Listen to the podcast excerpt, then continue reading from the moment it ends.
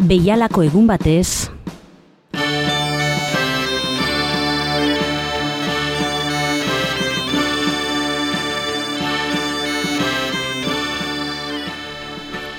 Gure memoria eta oroitzapenari astinaldia emateko bide eta unean murgilduko zara datozen minutuetan Bilbo iria irratiaren entzule hori. Gure herrian gertatutako jazoera historiko nabarmenak, gertaera esanguratsuak, gure kultura, politika zein bestelako jardueretan zeresana izan eta eman dutenek bilakatuko ditugu protagonista nagusi. Gaurko gure programa honetan, Jose Mari Agirre, goitizenez Xavier Lizardi gisa ezagutzen dugun Euskal Sale, idazle eta batez ere olerkariaren zenbait zertzela ematera gatozkizue.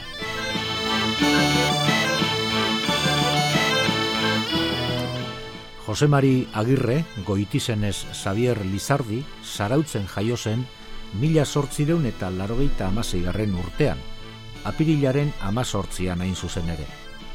Amar urte bete orduko, tolosara joan zen bizitzera, aitaren ogibidearen eraginez. Zarautzen eta tolosan hasitako ikasketak Madrilen osatu zituen. Legelari ikasketak burutu zituen, libre moduan egin zituelarik. Ikasketak burutu bezain laster hasi zen Jose Maria Agirre Perot tela metaliko lantegian gerente gisa lanean. Postu horretan jarraituko du bere bizitza osoan. Mila bederatzireun eta hogeita iruan, hogeita zazpi urte zituela, Frantziska eizagirrerekin eskondu zen. Bizitza erosoa izan bazuten ekonomiari begiratu eskero, etzen saminaldirik falta izan eskon bizitzan izan zituzten hainbat seme alaba jaio berritan hil zitzaizkien. Bere lanak eraginda sarri bidaiatu zuen, Parisen egon zen adibidez, eta bere gutuneriak jakinarazten duenez, ezitzaizkion arrotz Espainiako hiriak eta hiriburuak. Kultura eta politika oso lotuta zijoa zen garai haietan, Primo de Riberaren diktadurapean debekatu egin zuten euskal abertzaletasunaren zabalkundea. Horregaitik, kultura bihurtu zen politika egiteko bide. Euskal zaletasuna baimendurik zegoenez, bide hori aukeratu zuten orduko euskaldunek aberriaren alde lan egiteko. Orduko erakunde guztien artean, euskaltzaleak erakundeak itzal berezia lortu zuen mila bederatzireun eta hogeita zazpigarren urtean, Josea Aristimuñok aitzolek osaturiko erakundean parte handia hartu zuen Lizardik. Euskal egunkari baten aldeko kanpaina eratu zuen eta sutsu idatzi horren alde. Orduan hasi zen Jose Maria Agirre Xavier Lizardi goitizena erabiltzen. Euskararen aldeko lanean diardu urte horietan euskal egunak, jaiak eta abar eratzen eta osatzen ikusi zuten gure poeta. Euskal kasetaritza goratzeko kirikino saria antolatu zuen Euskal Tzaleak erakundeak lizardiren bultzadari esker.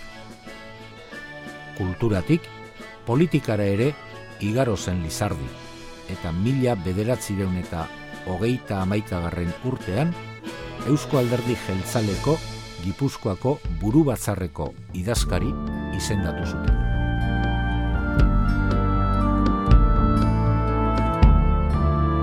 Gau luzea, gau latza, gau izar gabea. Nekez gendun ikusi, haren azkentzea. Gau erdian hiltzaigu, amona gurea. Esku gogortuetan,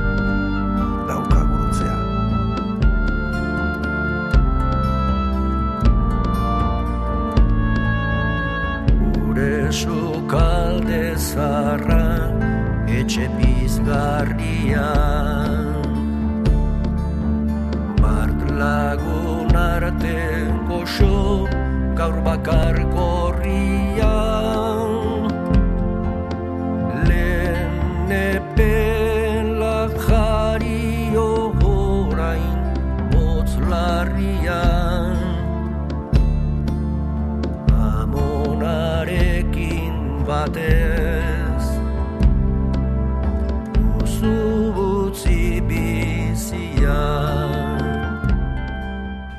Garaiko gizona izan genuen Lizardi, garaiko lanetan eta iskanbiletan murgildua. Sakonak eta indartsuak izan ziren garaiko euskal idazleekin izan zituen hartu emanak. Jose Aristimuño Aitzol izan zuen Lizardik kulturan lankide eta literaturan gidari.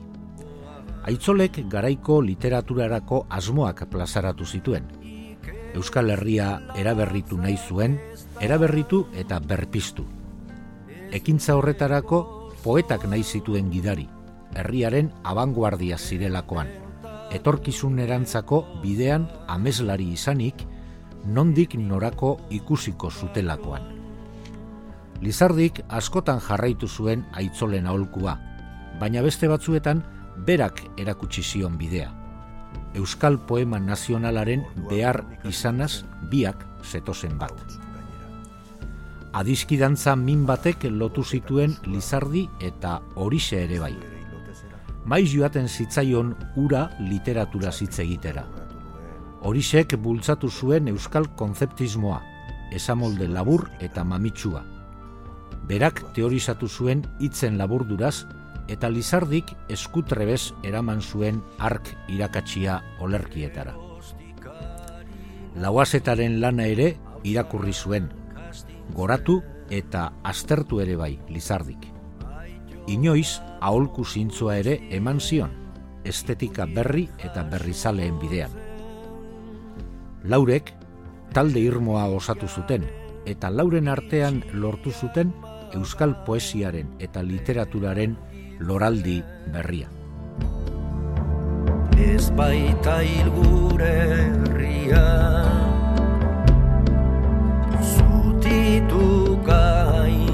gaitezen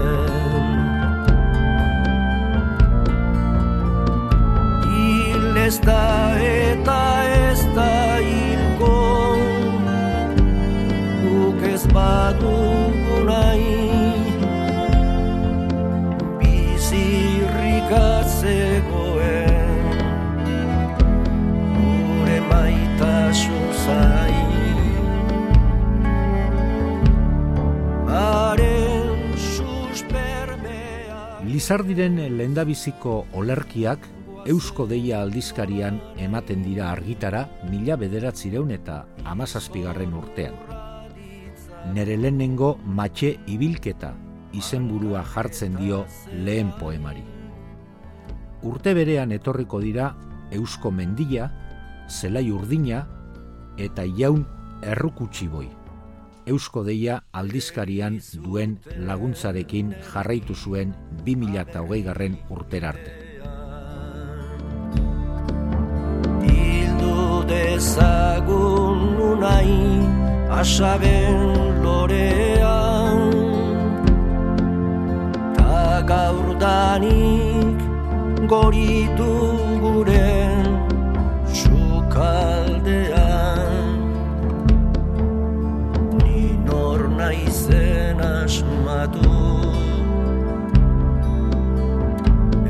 Euskal pizkundea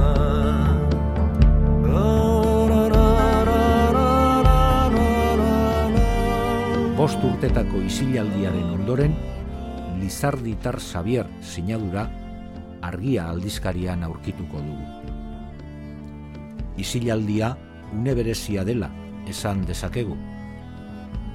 Isilune aurreko olerkiak irakurri eskero, bapatean nabarmenduko ditugu ezaugarri bereziak. Erromantikoagoak dira eta hitz jario zaleagoak poeta azberriaren lanak, bere ahotsaren erregistro bila balebil bezala. Borobiltasuna falta zaie, eskutrebezia, ideia eta hizkuntzaren arteko lotura estua, gerora lizardik agertuko dituen birtuteak.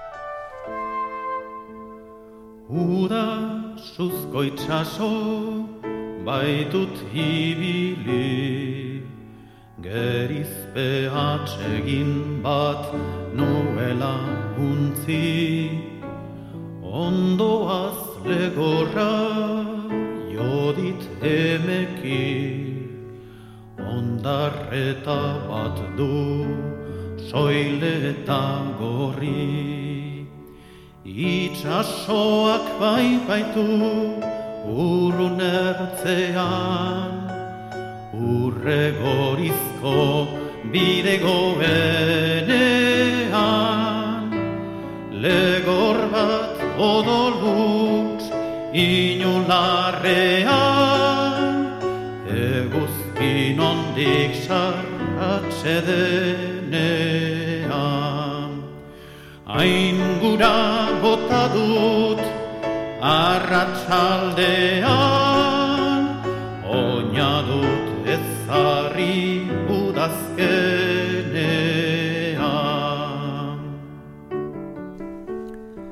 Literaturaren loraldi garaia izan zen, baina ez arantzabakoa. Mila bederatzireun eta hogeita amaikagarren urtetik aurrera, eztabaida garratza piztu zen olertizaleen artean. Euskal Zaleak taldeak hainbat ekintza eratu zituen euskal kultura suspertzeko asmoz, horien artean olerki ezagunak deiturikoak, lore jokoen antzera moldatutakoak. Egunotako poema lehiaketak euskal poetentzako omenaldiak ziren, eta lehiaketetara aurkezturiko poema onenekin olerki liburuak plazaratzen zituzten.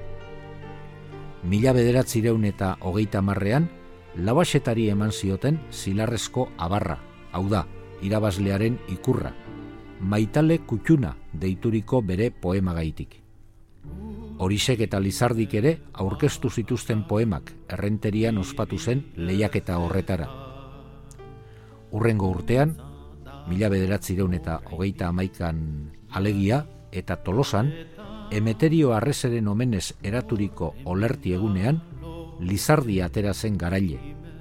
Urte giroak ene begian, poemarekin. Ingumakari gozo mi azketan Mitxel eta gorri zarbilegoak Maitatzek atxotu diranetakoak Kemenak utxe eta nekez bainoa.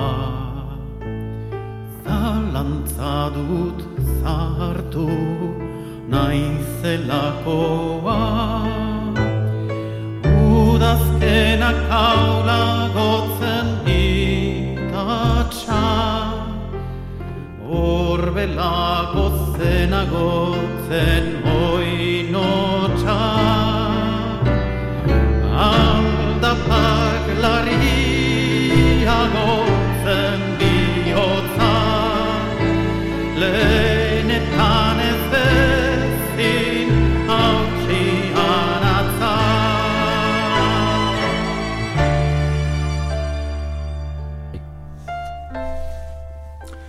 Estetika berri baten kanpaia gari ziren jotzen euskal literaturaren lurretan eta eztabaida piztu zen poesia berriari zaila izatea eragosten zioten poesia errazaren alde agertu zirenek.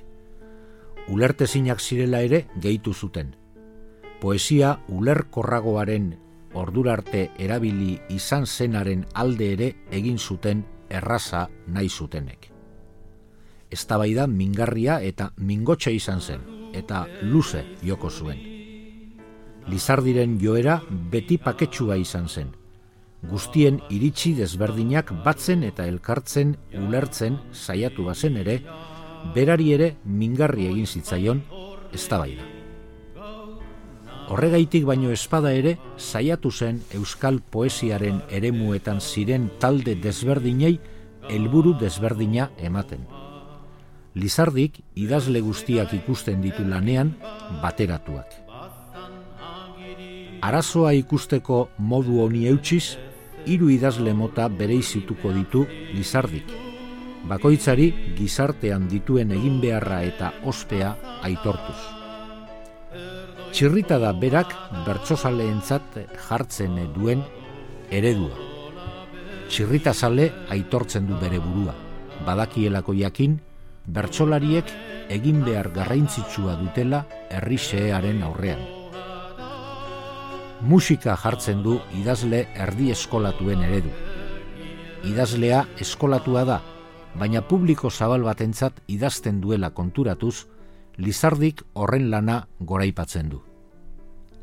Azken eredutzat, koldobika jauregi jartzen du Lizardik, gutxiengo batentzat idazten duen poeta lirikoaren eredu.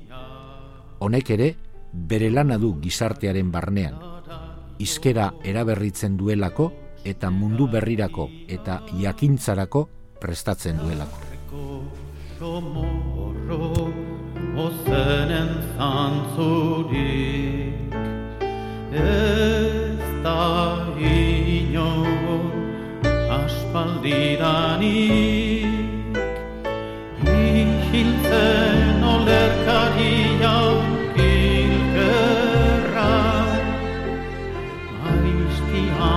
Aiztian alperder txitsarra Ta zuek nora txoriok saldoka Zoazten imardo bolondo beharka Adiskide horre txindor hil zaizute Koldo Michelenaren iritsiz, Lizardi dugu euskal poesian olerkaririk gailenena. Xavier Letek idatzi zuenez, Lizardik euskal hizkuntza poetiko sakona itxuratzen jakin zuen. Luis Mari Mujikaren ustetan, teknika berrien bitartez balio berriak ekarri zizkion Lizardik euskal lirikari, eta honek burua altsa zezan lanean jardun zuen. Lizardik euskal poesiaren baratzean duen postu hori liburu bakar baten bidez lortu zuen. Mila bederatzireun eta hogeita amabi garren urtean, udaren atarian, Bilboko berdez atxirikaren etxean, bihotz begietan liburua eman zuen argitara, hil baino urtebete lehenago. Nik ez nahi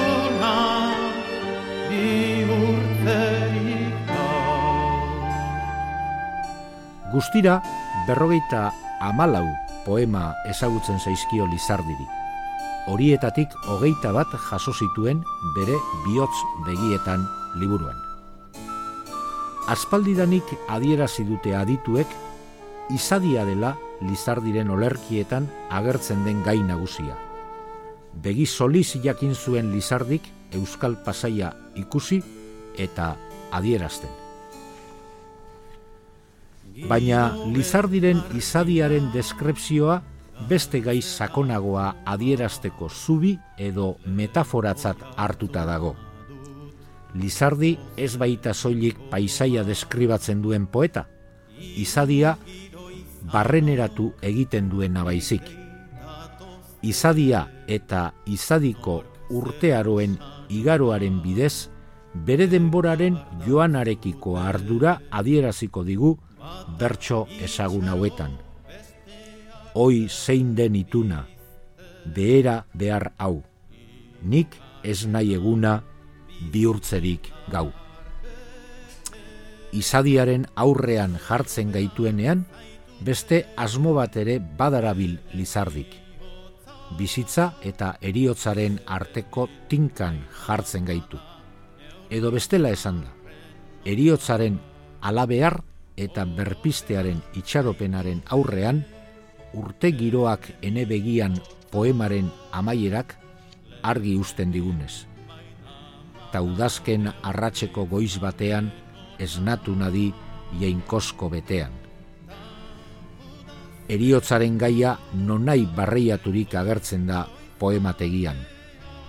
Zuen alaba bakarra hil zitzaionean, otartxo hutsa poemaren bidez adierazi zuen ark utziriko samina.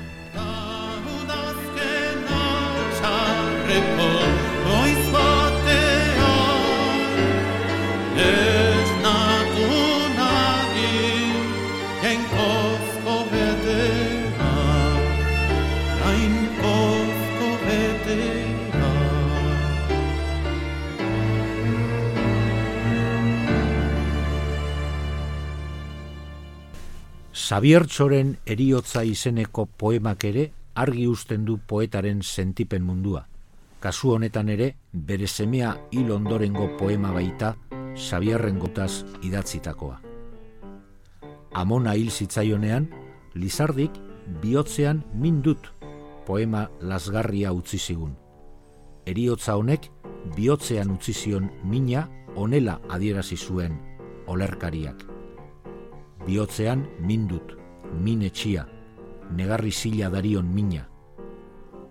Lizardik, bere naigabea eta tristura oso ezagun egin diren bertso honen bidez adierazi zizkigun. Hots, hots, bizion oinok. Biotzean mindut, min etxia, negari xila darion mina. Amonatxo bat nun, gaur, enarak etorri garaiez aldegina.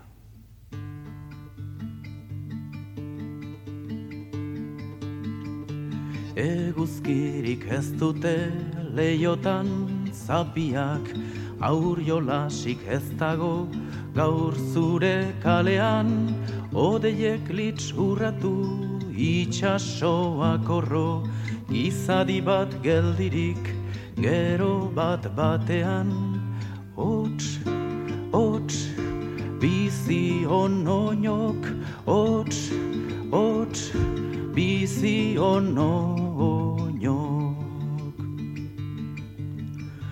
Errezkabi gizonek argizai horiak, gorputza lau bilobok, atzetik Andreak, haien elorari nau, zein dudan larria, besoek ez lanarren, bihotzak nekeak, mendea jabetea, taini laun gorputz jar, bezak gogoa goien, ibezin harina, ta bezatnik nerea, deina zatenean, ez iritzal argiruntz, egatzeko dina, hots, hots, bizi onoinok, hots, hots, bizi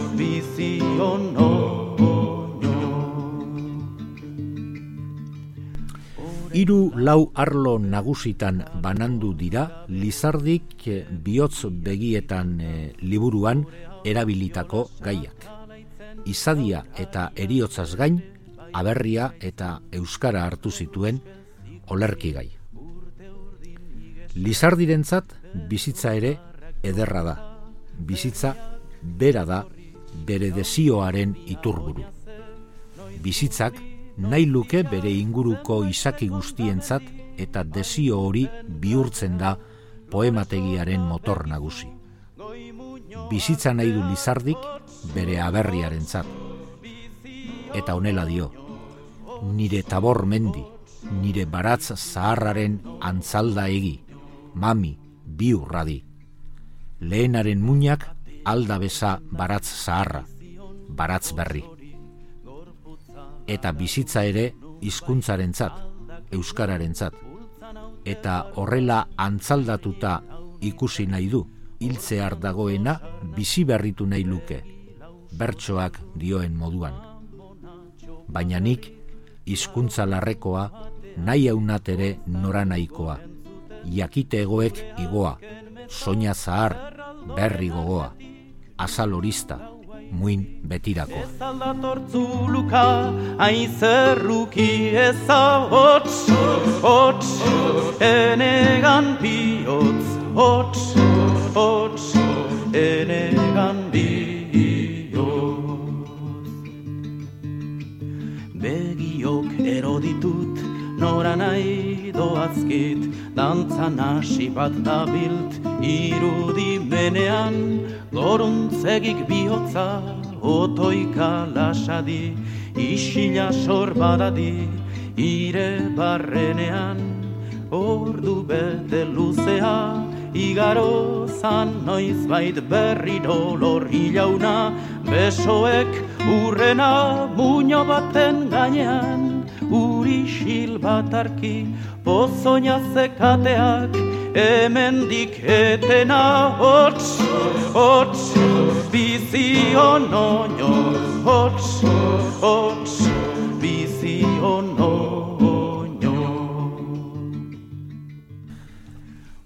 Saiatu gaitezen urrengoan Lizardi poetaren irudia margosten. Biotz begietan formula Lizardiren poesiaren zutabea da. Esaldi horrek adierazten du posible dela kanpo mundu eta barne munduaren arteko lotura, mundu objektibo eta subjektiboaren arteko batasuna. Benetako errealitatea mundu bion arteko kidetasunean aurkitzen da, eta kidetasun hori poesiaren egin beharra da.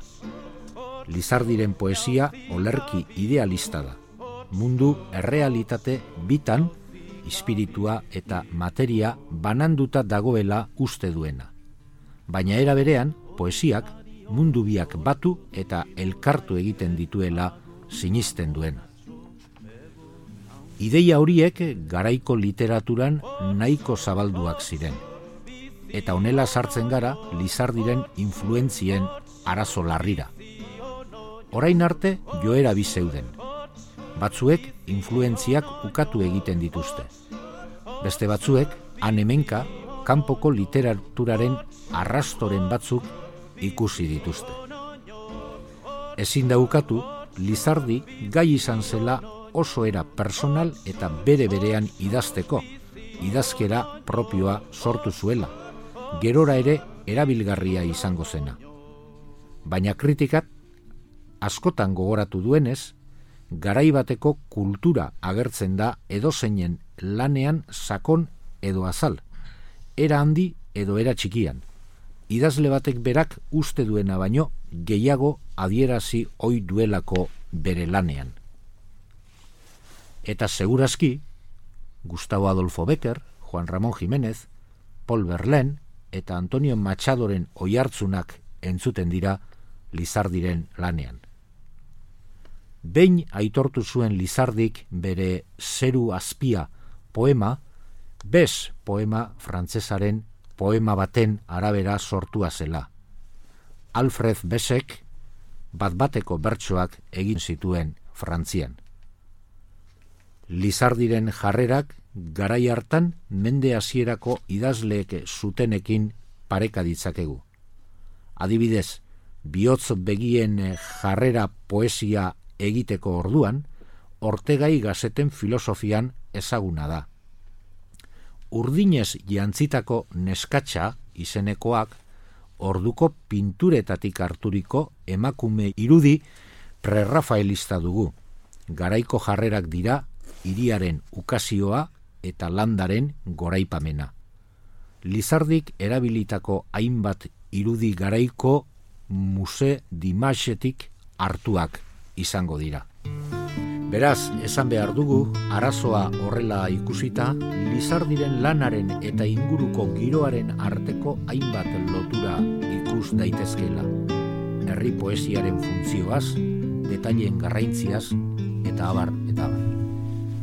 Asabazaren baratza untza du normek esia eguzkiak lehen maitea otzaldi zoro baten itzuli jokanagokik atea.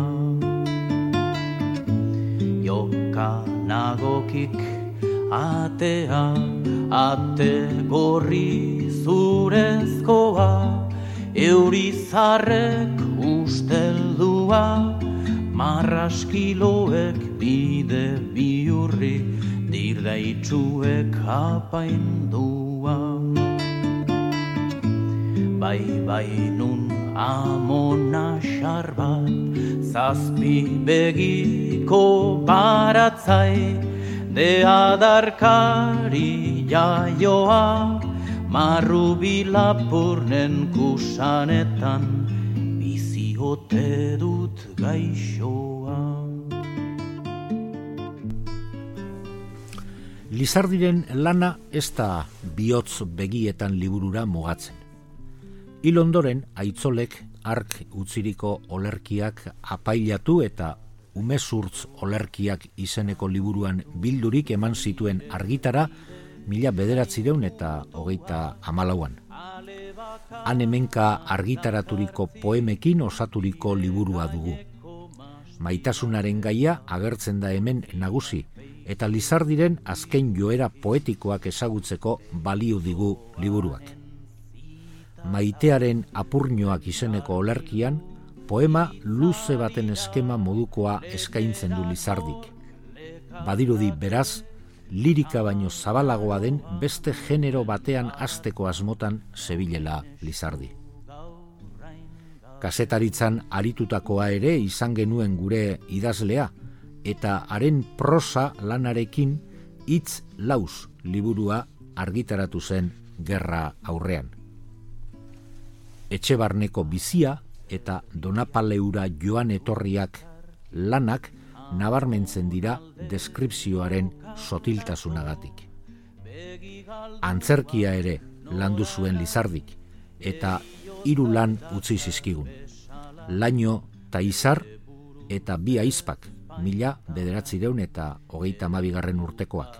Eta eskondu ezin zitekeen mutila, komedia eran taiuturiko antzerkilana ere bai. No nahi aldiaren sitza, zuka zoroki mintza zitzaidan, zaldu narrotza bainitzan. Lastan dut bera harrituta, begi begira dagokit, gero geldiro nortzaitut, euskera zark niri galdegina, goguan besterik ez dut, ta sizan biraka berriz, ilzarre joskari garrez, eriotzaren egarri, bizitzearen ondaraleak, larrainean eultzen ari. Mila bederatzireun eta hogeita mairuko martxoaren amabian hil zen Jose Maria Agirre, Lizardi, pneumoniak eh, jota. Bere eriotzak dolumin handia sortu zuen Euskal Herri osoan. Jose Maria Agirre, Xavier Lizardi, poeta handi egina baitzen. Gerente, langile eta poeta handiaren artean, Jose Maria Agirre eta Xavier Lizardiren artean, izen eta izanaren artean kokatzen da gizon honek bere garaian egin zuen kultur arloko lana. Lena zegoen orainaz ele gozoka bitzuok mintzo beraz zihar duten ene asaben lokarri zarra jaunari zor etzan eten.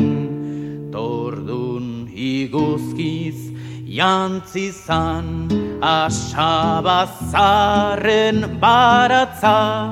Tordun zuaitzak igaliz tordun baratza leneratu zan mugak berriro zabaliz talen ikusi gabeko. Zuaitz berri bat zegoan erdian guzien buru haren gerizak herri baratzak ezin nilkor egin ditu.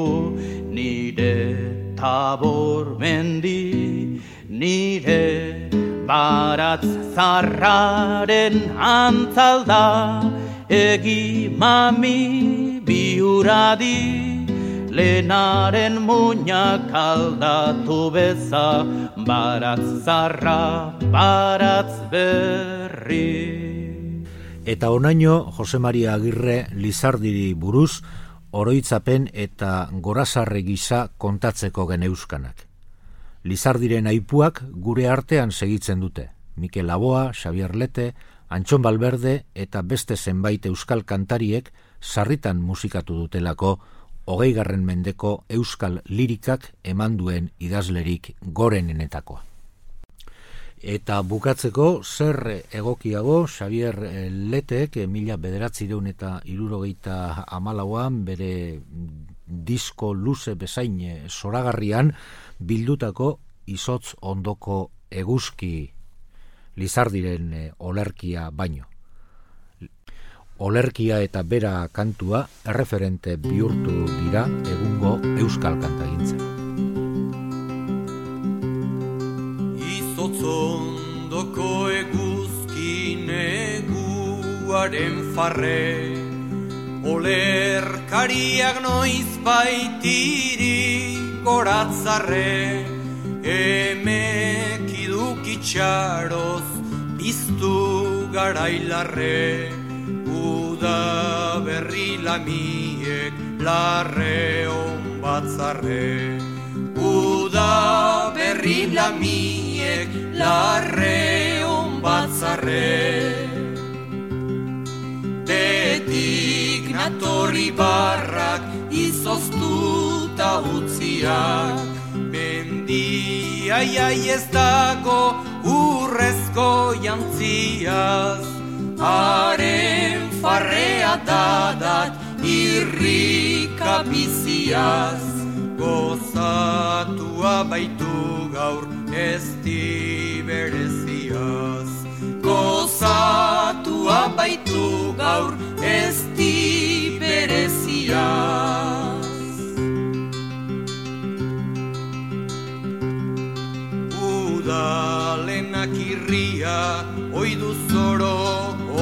ozena Udak aragikoia udazkenak bena Negu gau ozgarbien izotz ondorena Guztiz bakarra duzu denetan emena Guztiz bakarra duzu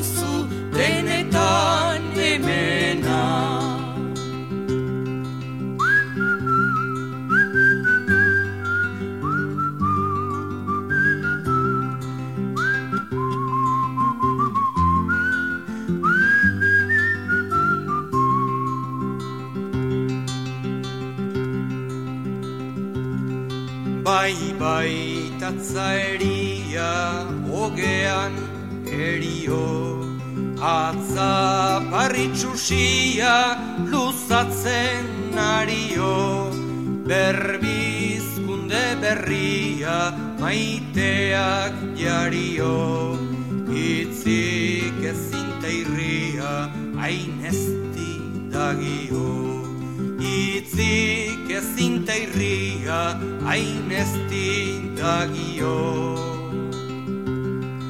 Izotzak estali zuen gure euskal herria. Pintzo zenak zabaldu berbizkun berria. Itzal zokondoetan lore izotz bitxia. Baina naren gainetik jauntzen eguzkia Baina naren gainetik jauntzen eguzkia Baina naren gainetik jauntzen eguzkia